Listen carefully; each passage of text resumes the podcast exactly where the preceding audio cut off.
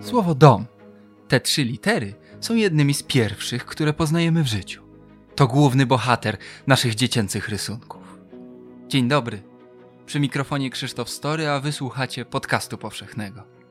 W tych rozmowach moi goście pokazują, że dom to znacznie więcej niż tylko cztery ściany. Zapraszam.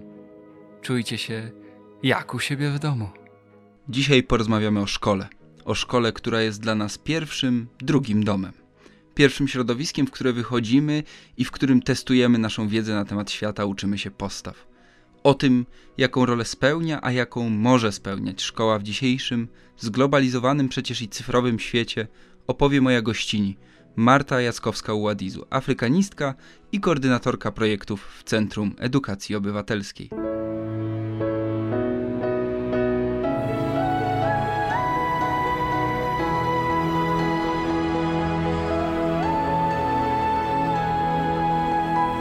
Podcast powszechny.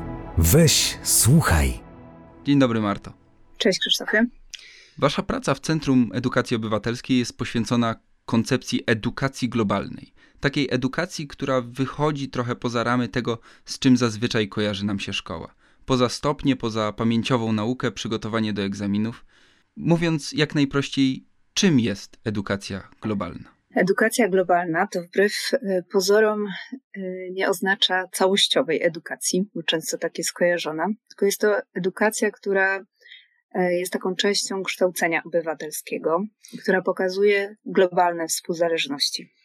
Jest to stwierdzenie dosyć trudne i wiem, że kłopotliwe, ale chodzi mniej więcej tak, mm, żeby prosto powiedzieć o to, żeby pokazać, jak my zależymy od całego świata i jak ten cały świat w jakiś sposób zależy od nas. Faktycznie, globalne współzależności mogą być takim zaklęciem, po którym połowa klasy w szkole zasypia, a druga sięga po telefony, ale za tym pojęciem kryje się kawał ciekawej wiedzy o świecie. Jak dotrzeć z nią do młodego człowieka? Takim sposobem, który my mm, promujemy w tej edukacji globalnej, jest y, znajdowanie lokalnych kontekstów. No bo takie jest hasło już dosyć obiegane, właśnie myśl globalnie, działaj lokalnie. Staramy się więc pokazywać właśnie tym młodym ludziom e, jakieś takie sprawy, które dotyczą ich na co dzień, na przykład co jedzą, w co się ubierają, e, jakich przedmiotów używają i z tego, z tych drobnych takich e, przedmiotów, na przykład codziennego użytku, zrobić całą historię opowieści o tym, na przykład kto pracował na to, żeby ten młody człowiek miał swój telefon komórkowy, albo kto przyczynił się do tego, że na śniadanie je owsiankę, mango, mleko, y, chleb nawet, codzienny właśnie. Jak to się dzieje w tym obecnym świecie, że te produkty do nas trafiają, że my ich używamy, z czym to się wiąże. Więc z drobnych historii przechodzimy do opowieści o świecie. Mówisz o tym, żeby szukać lokalnych kontekstów yy, i na nich budować takie znaczenie i opowieść o edukacji globalnej. Ja się rozejrzałem wokół siebie. Mam na sobie koszulkę i ubrania, które zostały uszyte na innym kontynencie. Rano na śniadanie jadłem owoce, które też prawdopodobnie przypłynęły albo z południa Europy, albo z Afryki, albo z Ameryki Południowej. I wydaje się, że tych globalnych powiązań i współzależności jest wokół nas faktycznie coraz więcej. Czy z Twojej perspektywy też ta edukacja globalna jest, stała się ważniejsza niż była powiedzmy 30, 20, 40 lat temu? Hmm, wydaje mi się, że tak, e, możemy oczywiście żyć w takiej ułudzie tego, że my nie jesteśmy powiązani z tym światem, no bo w końcu my nie idziemy kupić e, tego mango już przysłowiowego e, na bazar od, e, od osoby z Kostaryki, czy też z Bangladeszu, czy z Indii, tylko idziemy przecież do naszego sklepu Biedronka. No ale właśnie to jest taka ułuda tego świata, która nam mówi, że to wszystko jest na wyciągnięcie ręki i zwalnia nas z myślenia o tym, że gdzieś tam to wszystko jest powiązane.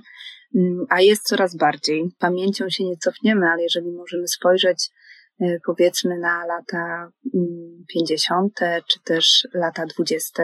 ubiegłego stulecia, to ludzie o wiele mniej byli powiązani właśnie tymi drogami, choćby handlowymi, ale też wymianą jakąś taką kulturową, gospodarczą, czy też e, w ogóle na przykład językami, którymi mówimy.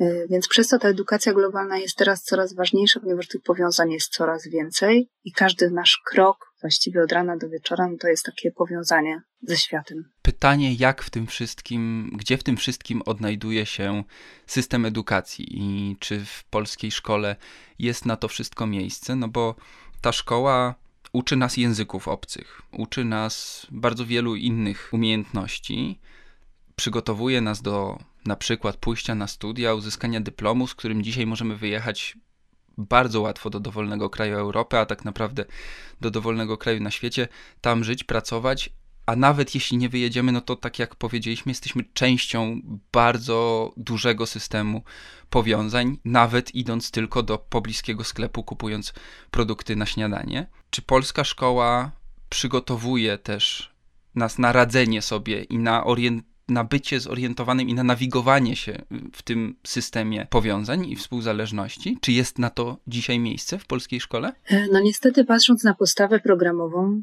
to nie, ponieważ w samej podstawie programowej trudno znaleźć edukację globalną. Nie powiem, że nie istnieje zupełnie, bo można na niektórych przedmiotach gdzieś tam, brzydko powiem, wygrzebać trochę tej edukacji globalnej, ale edukacja globalna to nie jest, to nie jest tylko Mm, przekazywanie wiedzy. E, ważne w tej edukacji jest to, że my pracujemy na e, postawach, wartościach, umiejętnościach.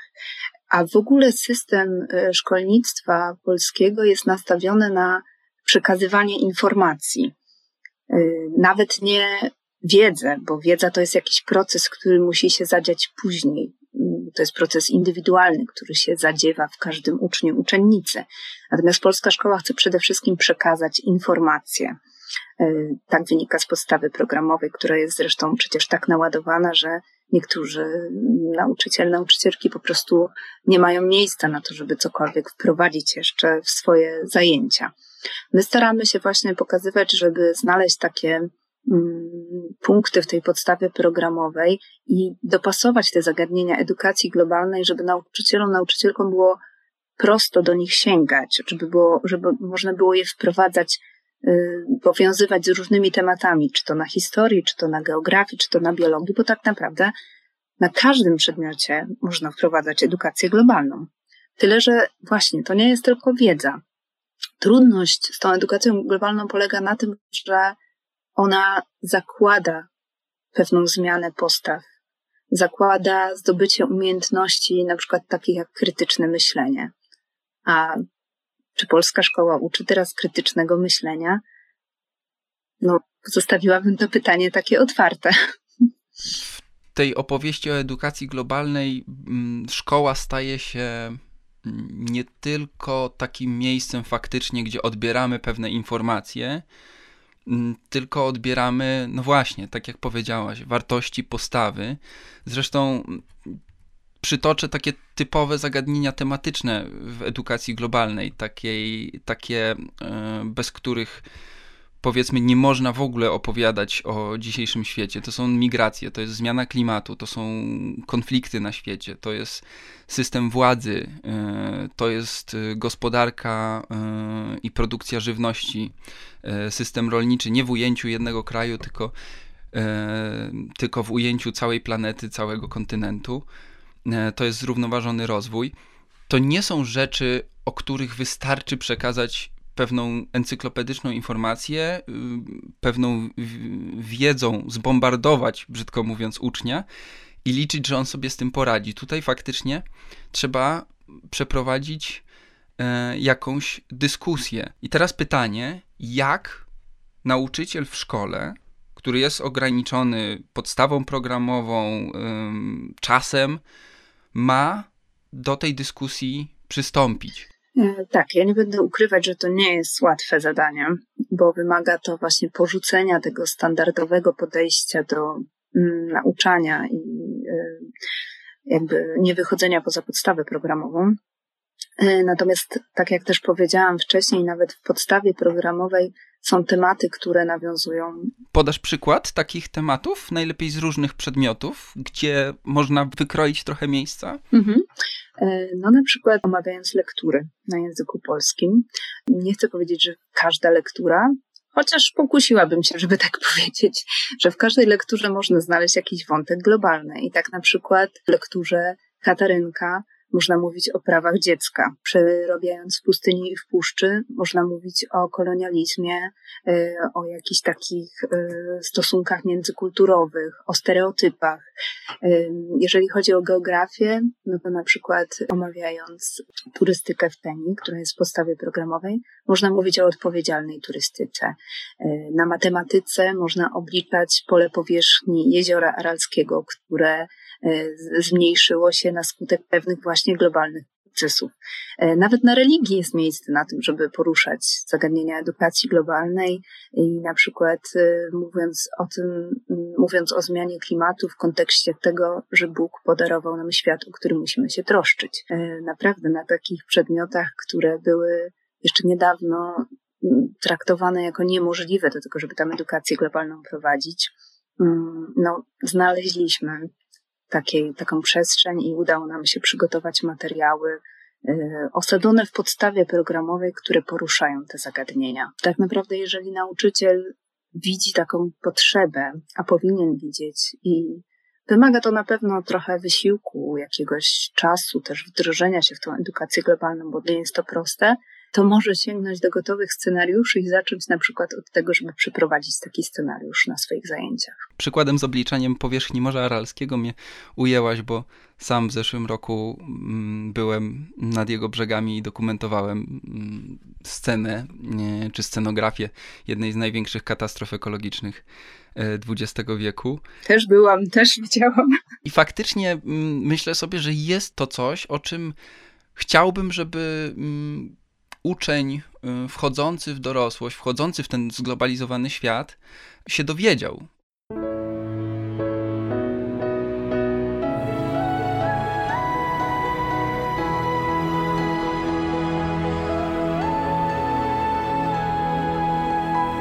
Podcast powszechny. Weź, słuchaj. Podałaś przykład książki w pustyni i w puszczy. On jest bardzo ciekawy, bo jeszcze kilka miesięcy temu y, powstała petycja o to, żeby tę książkę jako kolonialną, taką bardzo właśnie stereotypizującą, taką bardzo mm, powierzchowną y, opowieść o, o Afryce usunąć ze spisu lektor. Wykorzystując ją do edukacji globalnej, nauczyciel polskiego w tym wypadku wchodzi na bardzo, bardzo trudny teren. Nie dziwię się, że wielu nauczycieli się będzie tego zwyczajnie e, bało. Czy mówimy o zmianie klimatu, czy o migracjach, czy o wielokulturowości, to są tematy, na które nakłada się polityka, nakładają się bieżące wydarzenia, nakładają się różne przekonania.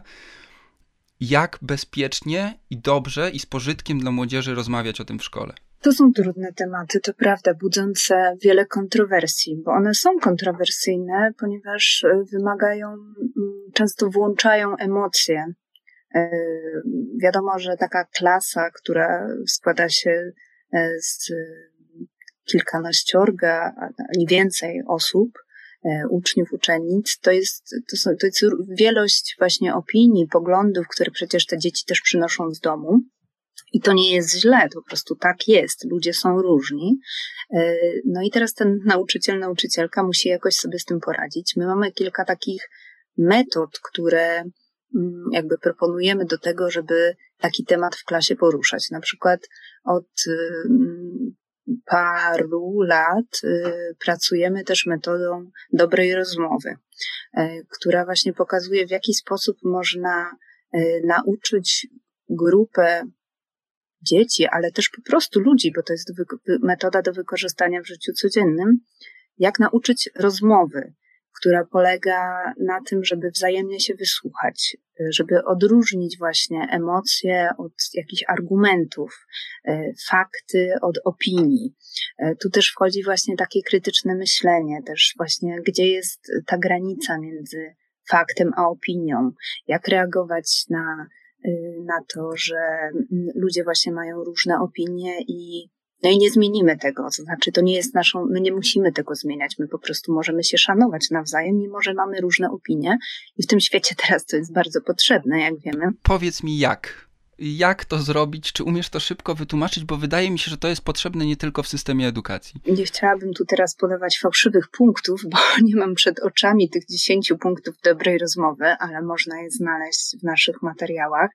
Na pewno jest to nauka słuchania drugiej osoby, nie przerywania, kiedy druga osoba mówi, czyli nauka pewnej takiej cierpliwości, tego, żeby dać głos w ogóle drugiemu człowiekowi. I tak jak mówię, to, nie, to w trudnych tematach jest szczególnie ważne, ale to jest ważne w każdej rozmowie, żeby właśnie móc siebie wysłuchać, e, zobaczyć, że, że ta inna opinia to nie, nie robi z tego człowieka, z tego drugiego człowieka naszego wroga, tylko robi, jest takiego partnera do dyskusji, że my możemy też się coś od tej osoby nauczyć, razem coś wypracować. Lec powiedział kiedyś, że dyskutując nie zmienisz zdania innych, ale czasem możesz zmienić własne. Wy w Centrum Edukacji Obywatelskiej od lat realizujecie bardzo różne projekty, starając się właśnie wykrawać przestrzeń w szkole dla edukacji globalnej.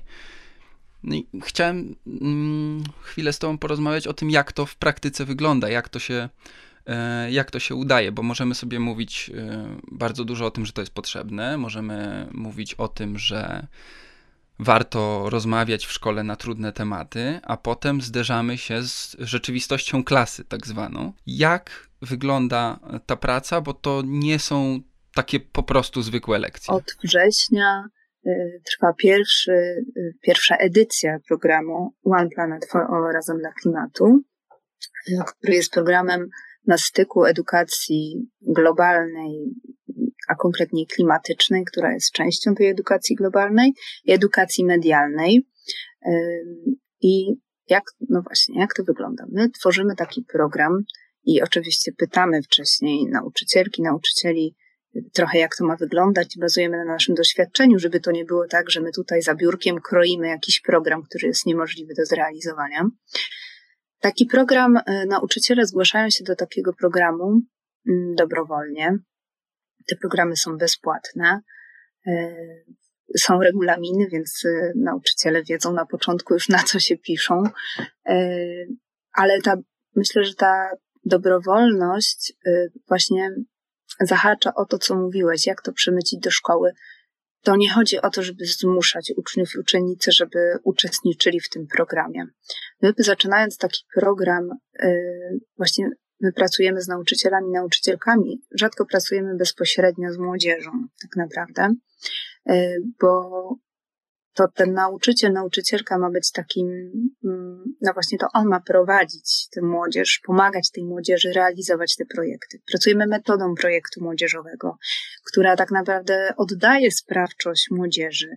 I w takim projekcie znalezienie w ogóle młodzieży do tego projektu właśnie polega na tym, że młodzież sama się zgłasza. Nauczyciel proponuje pewien temat, opowiada o programie, który my prowadzimy, ale to sami uczniowie i uczennice się do niego zgłaszają. W przypadku tego programu jest to właśnie temat zmiany klimatu i odpowiedzialnego dziennikarstwa związanego ze zmianą klimatu. I polega na tym, że w szkole powstają szkolne redakcje klimatyczne. Młodzież tworzy swoje redakcje, które mają opracować materiał poświęcony zmianie klimatu i ma, mają znaleźć właśnie w swojej okolicy, w swojej społeczności szkolnej, lokalnej, swojej miejscowości temat, który opowiadałby o zmianie klimatu w kontekście lokalnym, ale w powiązaniu właśnie z problemem globalnym. Ta młodzież uczestniczy w zajęciach na podstawie scenariuszy, które my opracowujemy, ale to ma właśnie prowadzić tę młodzież do tego, żeby ona sama zdobywała wiedzę na temat zmiany klimatu, sama przechodziła przez pewien proces tego projektu młodzieżowego. My nie proponujemy pojedynczych zajęć, bo to nie wprowadza tej zmiany, na której nam zależy. My chcemy, żeby to był proces, który zachodzi w tej grupie i który prowadzi tę grupę od powiedzmy niewiedzy do jakiejś wiedzy, a ta wiedza prowadzi do zdobycia umiejętności, a kiedy mamy te, te umiejętności już, takie na przykład jak krytyczne myślenie, możemy działać na rzecz klimatu, możemy być świadomi i działać właśnie w odpowiedni sposób. Czy to jest na stopnie? nie, to nie jest na stopnie i bardzo e, nie chcemy, żeby to było na stopnie. Oceną czy też nagrodą tak naprawdę za udział w takim programie jest to, że ta młodzież uczy się czegoś ważnego o sobie. Bo oprócz tego, że jakby w tym procesie tego projektu młodzieżowego uczniowie i uczennice zdobywają wiedzę o świecie, zdobywają coś ponad tę podstawę programową. E, no, z tego co wiemy, są to dla nich często ciekawe zajęcia, więc y, chętnie w nich uczestniczą. To zdobywają też takie umiejętności, które przydają im się w całym życiu. To są umiejętności na przykład współpracy, działania w grupie, ustalania priorytetów, doprowadzenia tego projektu swojego od początku do końca, wyznaczania celów.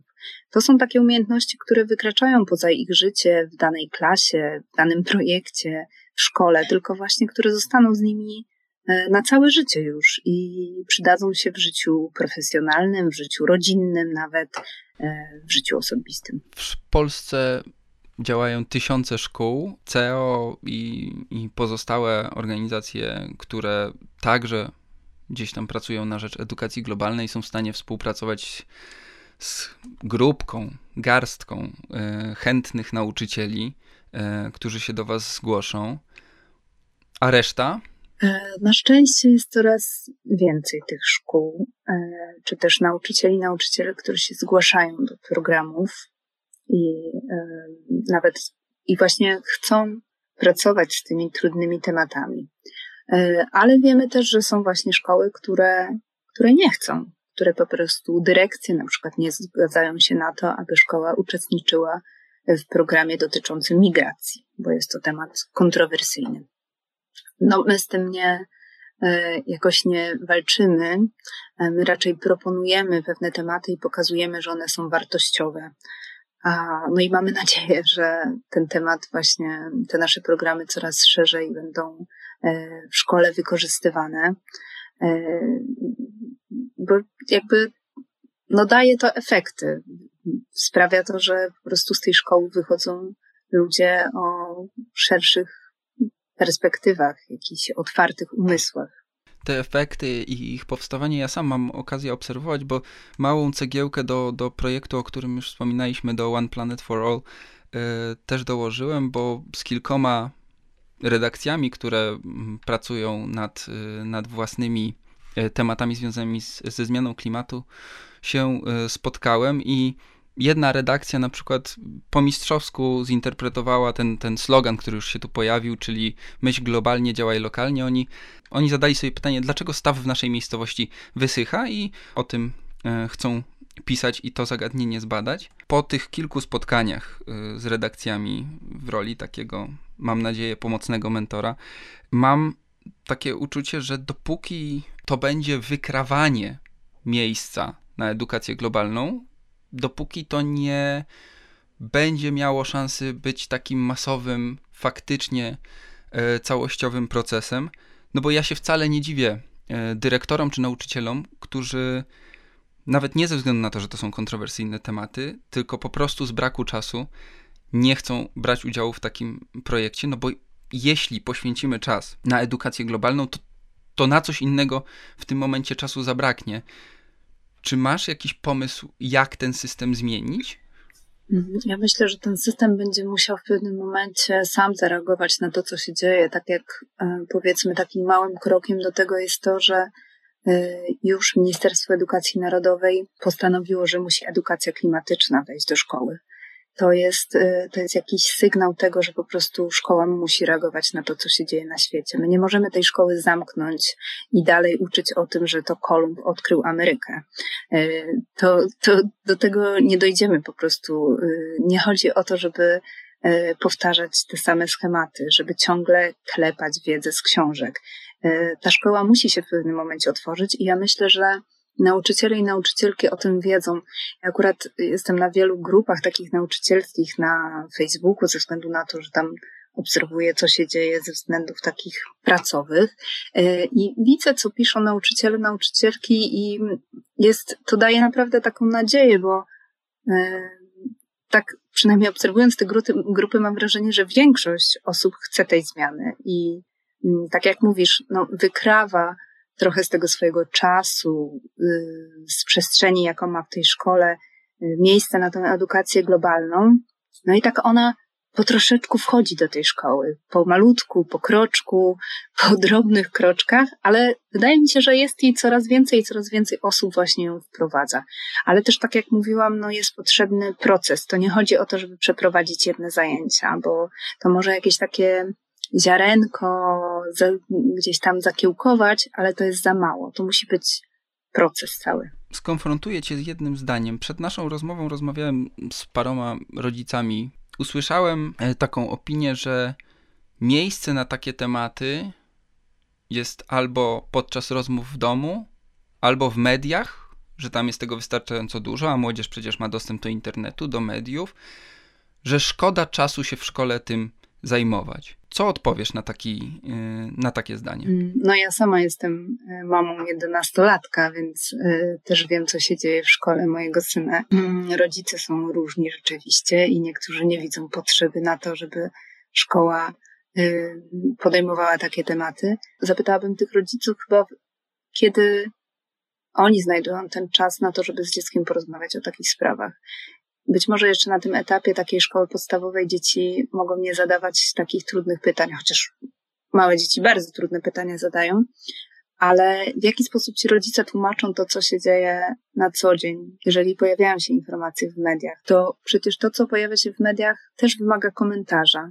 To nie jest tak, że, że my to wszystko możemy łykać i, yy, i przyjmować. A jeżeli tak jest, to jest wtedy bardzo smutno, że tak się dzieje, że my nie mamy takiego podejścia krytycznego do tego.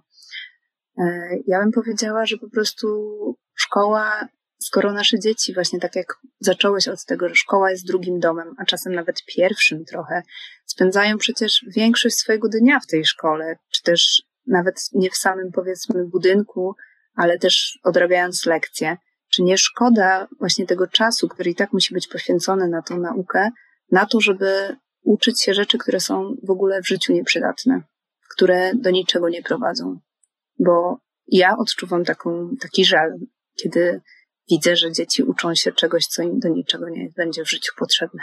Cała ta nasza rozmowa to jest w ogóle takie duże pytanie o, o rolę szkoły w zmieniającym się świecie, w świecie globalnych bardzo problemów. Globalność tych problemów chyba najlepiej ilustrują wydarzenia tego roku i pandemia, kiedy zobaczyliśmy, że naprawdę wszystko ze wszystkim jest połączone. Kontrargument, który ci zacytowałem, to była perspektywa e, zatroskanego ojca, który po prostu wie, że na końcu tej szkoły, niezależnie od całej wartości, którą niesie edukacja globalna, jego córka będzie musiała zdać maturę i dostać się na studia. I to będzie kryterium, a nie to, czy ma umiejętność krytycznego myślenia, czy nie. Ja też w pewnym sensie rozumiem y, tego zatroskanego ojca, który martwi się o to, w jaki sposób córka zda maturę.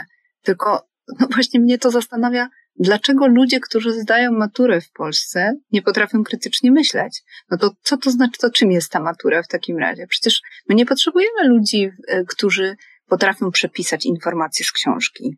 My nie potrzebujemy ludzi, którzy potrafią przerysować rysunki. To jest pytanie właśnie o kształt jakby matury, czy też dalej, co dalej, jak potem ci ludzie odnajdą się w życiu, co z tego, że zdadzą maturę, skoro ta matura nie daje im umiejętności e, jakichś takich życiowych właśnie. Dlatego jest to smutne, że, e, że, ta, że te różne egzaminy stały się wyznacznikiem tego, czy ktoś wyciągnął z tej szkoły umiejętności i wiedzę. Bo niestety nie. To jest po prostu, to jest umiejętność jedynie prawidłowego rozwiązywania testów. Pytanie, jak inaczej mierzyć efekty edukacji? Masz jakiś pomysł, jak zrobić to inaczej? No, wymagałoby to na pewno jakiegoś e, opracowania jakichś innych metod, to prawda. Ja nie jestem tutaj metodykiem, więc nie chciałabym się też wymądrzeć. E, teraz czuję, że strzeliłam sobie w kolano, bo powiedziałam, że matura powinna być inna, a nie mam rozwiązania na to. E, ale też e, wiem, że są osoby, wspaniali nauczyciele i nauczycielki, które są świetnymi metodykami i potrafią wymyślać nawet w tej edukacji zdalnej teraz, którą obserwujemy, bardzo fajne metody sprawdzenia tego, jak dzieci dzieciom udało się czegoś nauczyć. E, przecież e, nawet nie, jeżeli robi się test, w którym ma się tylko coś przepisać, oczywiście to pokaże, że to dziecko przeczytało jakąś część podręcznika. Ale przecież w tym teście można też przemycić jakąś wiedzę. Można poprzez e, ciekawe zagadki w teście pokazać, jakby złapać, tak brzydko mówiąc, to dziecko na takie właśnie pułapki krytycznego myślenia, które przez to, że jakby kliknie w odpowiedni obrazek, już pokażą, w jaki sposób ono myśli. Więc to jest po prostu więcej może wkładu pracy do tego, aby taki test, nawet jeżeli niech on będzie testem, opracować, ale on potrafi też wyciągnąć takie informacje o tym, czy właśnie ktoś krytycznie myśli, czy ktoś potrafi wyjść poza jakieś schematy przedstawione w książkach.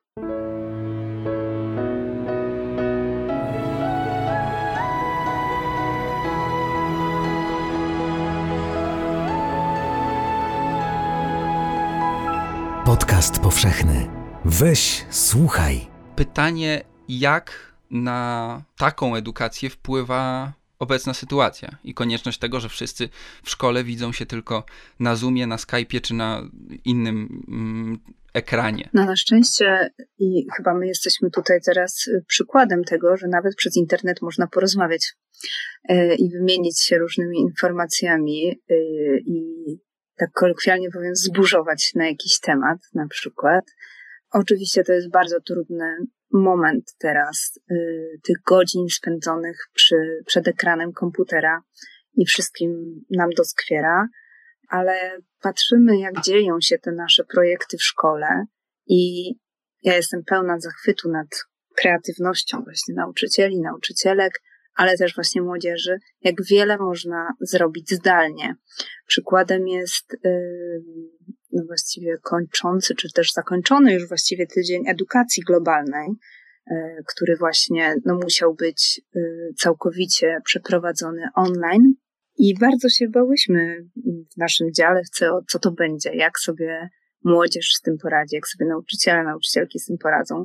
I naprawdę udało się zrobić tak wiele wspaniałych rzeczy online w czasie tego tygodnia edukacji globalnej, który przecież jest działaniem zupełnie poza podstawą programową.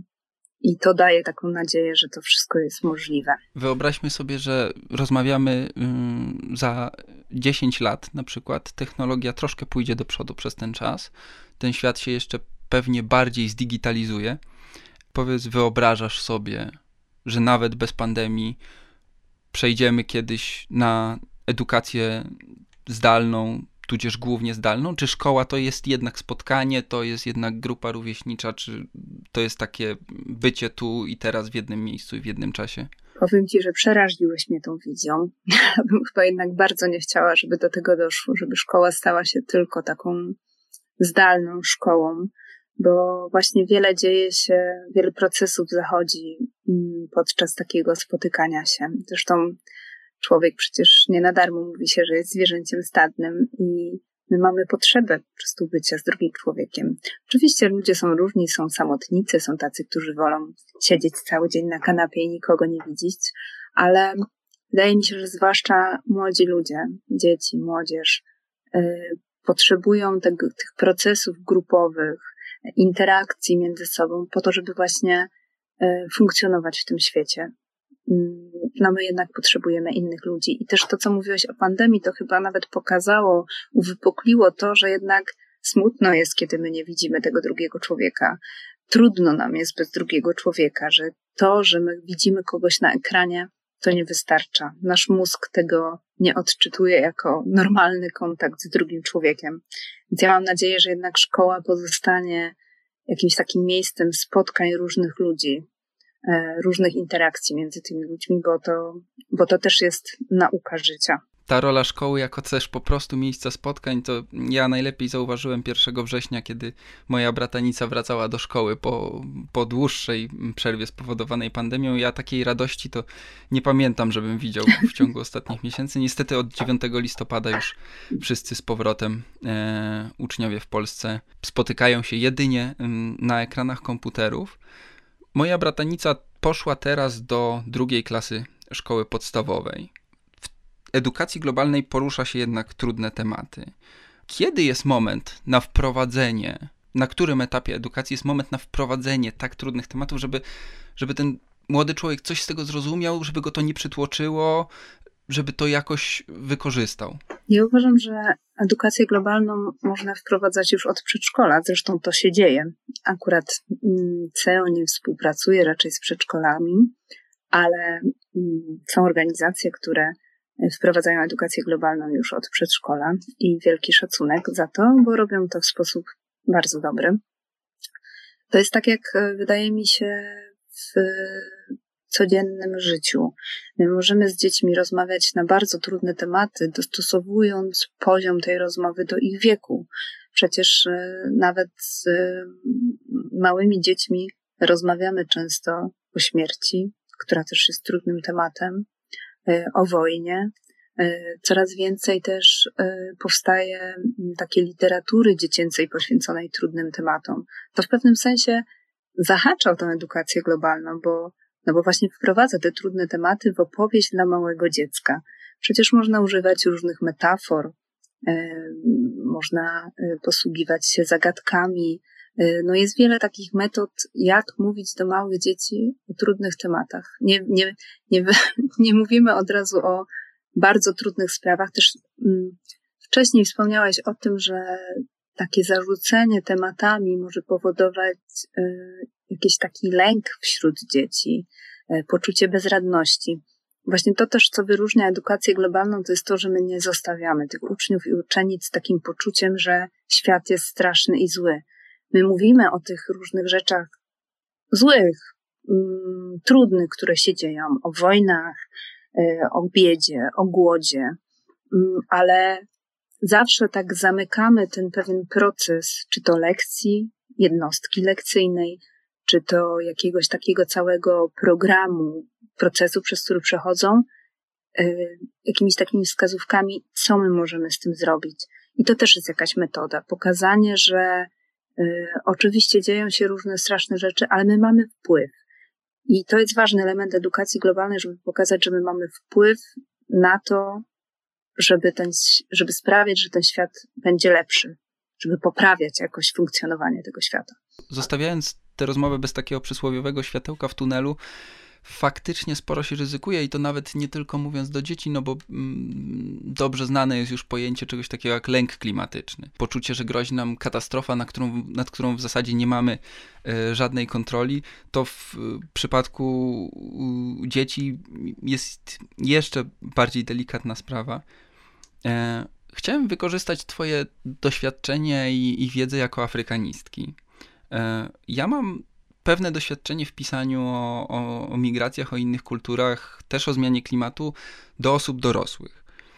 Ale z Twojej perspektywy, gdybyś y, miała mi doradzić, jak mam porozmawiać ze swoją ośmioletnią bratanicą y, na temat migracji, y, na temat innych kultur, jak byś to zrobiła? E, no mamy też taką teraz metodę mm, pracy właśnie z tematami migranckimi, więc y, świetnie, że pytasz, bo akurat mogę odpowiedzieć.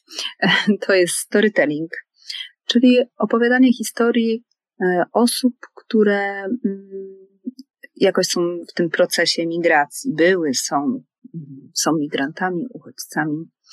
Więc na pewno rozmawiając ze swoją bratanicą, właśnie możesz wykorzystać historię na przykład dzieci migrantów, dzieci uchodźców. Czyli opowiadam historię konkretnej osoby, jakby jako taką formę bajki? Formę bajki, ale jednak opartą na faktach. E, chociaż są też książeczki dotyczące migracji, które są bajkami o dzieciach właśnie, które przeszły przez ten proces e, migracji czy uchodźstwa. I takie przedstawienie, takie wykorzystanie tego storytellingu właśnie daje nam e, poczucie jakiegoś też, e, powiedziałabym, takiego związku z tą osobą. Znaczy, nagle ci wszyscy migranci e, bez twarzy, czy też jak to brzydko się mówi, fala uchodźców, zupełnie odczłowieczając tych ludzi, staje się właśnie takim, taką dziewczynką w wieku twojej bratanicy, chłopcem, który ma swoją historię i który przez to może, może stać się bliższy, może stać się taki realny. Z wieloma y, młodymi ludźmi nikt takiej rozmowy nie przeprowadzi, jeśli nie, robi, nie zrobi tego szkoła. I dlatego wydaje się, że ta edukacja globalna, ta odpowiedź i rozmawianie o, o współczesnym świecie i o jego problemach musi się w końcu znaleźć w systemie edukacji? E, musi się znaleźć, tak, bo to też otwiera takie nasze spojrzenie na to, czym jest w ogóle ten świat, że, że to jest nasz dom. Ja myślę, że my mm, trochę w naszej kulturze e, zapomnieliśmy o tym właśnie, co to znaczy dom. My uczymy swoje dzieci posprzątania swojego pokoju i jakby zamykamy tę przestrzeń, że to jest tylko ten pokój, który nas interesuje, tylko to nasze mieszkanie. My tak zamknęliśmy się w tych naszych blokach e, i ten świat stał się odległy. I ta edukacja globalna też pokazuje, że właśnie, że to nadal jest nasz dom. To my jesteśmy, to jest nasz świat, on się nie kończy na tym naszym pokoju, na tym naszym mieszkaniu w bloku, na naszym ogrodzonym osiedlu. E, to skoro nawiązałeś też do tego mojego doświadczenia afrykanistycznego, no to tak właśnie myśląc o, tym, o tą dbałość o świat, to patrzę na to, jak właśnie ludzie, mm, akurat w Nigrze, gdzie, gdzie, który znam najlepiej, postępują ze światem, gdzie właśnie nie ma tych granic takich mieszkań, płotów. I mam wrażenie, że wtedy ten związek z tym światem jest większy, bo jest się bliżej natury. A my właśnie o tym zapomnieliśmy, nie odeszliśmy od tego i dlatego mniej dbamy o to, co nas otacza. A edukacja globalna daje nam właśnie takie poczucie, trochę nas, przypomina nam, że ten świat to jest nasz dom. Wydaje mi się, że tutaj rola szkoły, rola systemu edukacji jest ogromna i mam nadzieję, że ten system tę rolę będzie po prostu dobrze bo, wypełniał, bo jeśli w dzisiejszym świecie szkoła ma być domem, to wydaje mi się, że musi być domem z takimi bardzo, bardzo dużymi oknami. I tą myślą kończymy ten odcinek podcastu powszechnego. Moją gościnią była Marta Jackowska Uadizu, afrykanistka i koordynatorka projektów w Centrum Edukacji Obywatelskiej. Marto, dziękuję Ci za rozmowę. Dzięki. To była kolejna odsłona podcastu powszechnego. Ja nazywam się Krzysztof Story i dziękuję Ci za to spotkanie. Do usłyszenia. Współwydawcą podcastu powszechnego jest Fundacja Tygodnika Powszechnego.